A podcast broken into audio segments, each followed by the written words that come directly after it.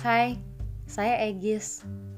Kita kembali lagi dalam cerita dan rahasia, di mana ini sebuah curahan tanpa skrip yang hadir begitu saja, baik dari cerita orang-orang sekitar atau dari pengalaman pribadi.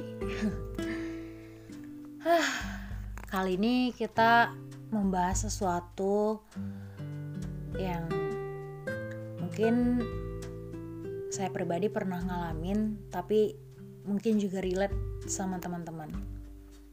Pernah gak sih tiba-tiba benci aja sama orang yang dulu paling kamu sayang?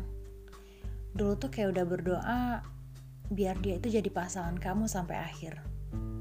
Padahal kamu tahu dia belum memenuhi kriteria sebagai orang baik, apalagi sebagai pasangan hidup.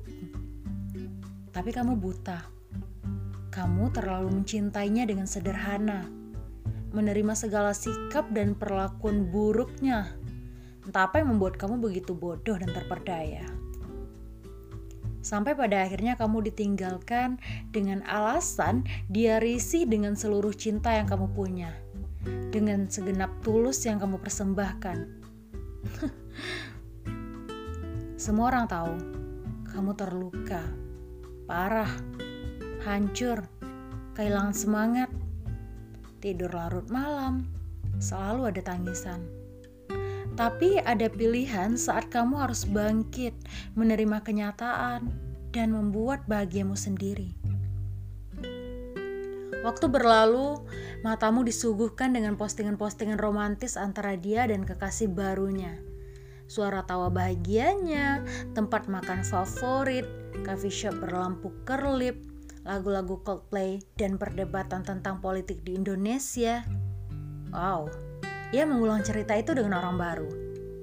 Sementara kamu masih menyaksikan itu dari layar smartphone setiap waktu, setiap saat. Kamu adalah cerita yang tak akan terulang untuk dia. Maka saat itulah kamu punya banyak waktu untuk melepaskan perasaanmu, melupakan detail kebersamaan, menghilangkan kenangan-kenangan, menyimpannya di tempat yang tidak perlu satu orang pun tahu. Lalu, tiba-tiba kamu benci. Benci pada dia, pada sifatnya, pada personalnya. Rasa benci itu sama kuatnya dengan rasa cinta yang pernah kamu punya. Memang benar, suatu saat orang yang paling kamu cinta bisa jadi orang yang paling kamu benci. Pun sebaliknya, Orang yang paling kamu benci, suatu saat bisa jadi orang yang paling kamu cinta. Sungguh, perasaan bisa berubah kapan pun.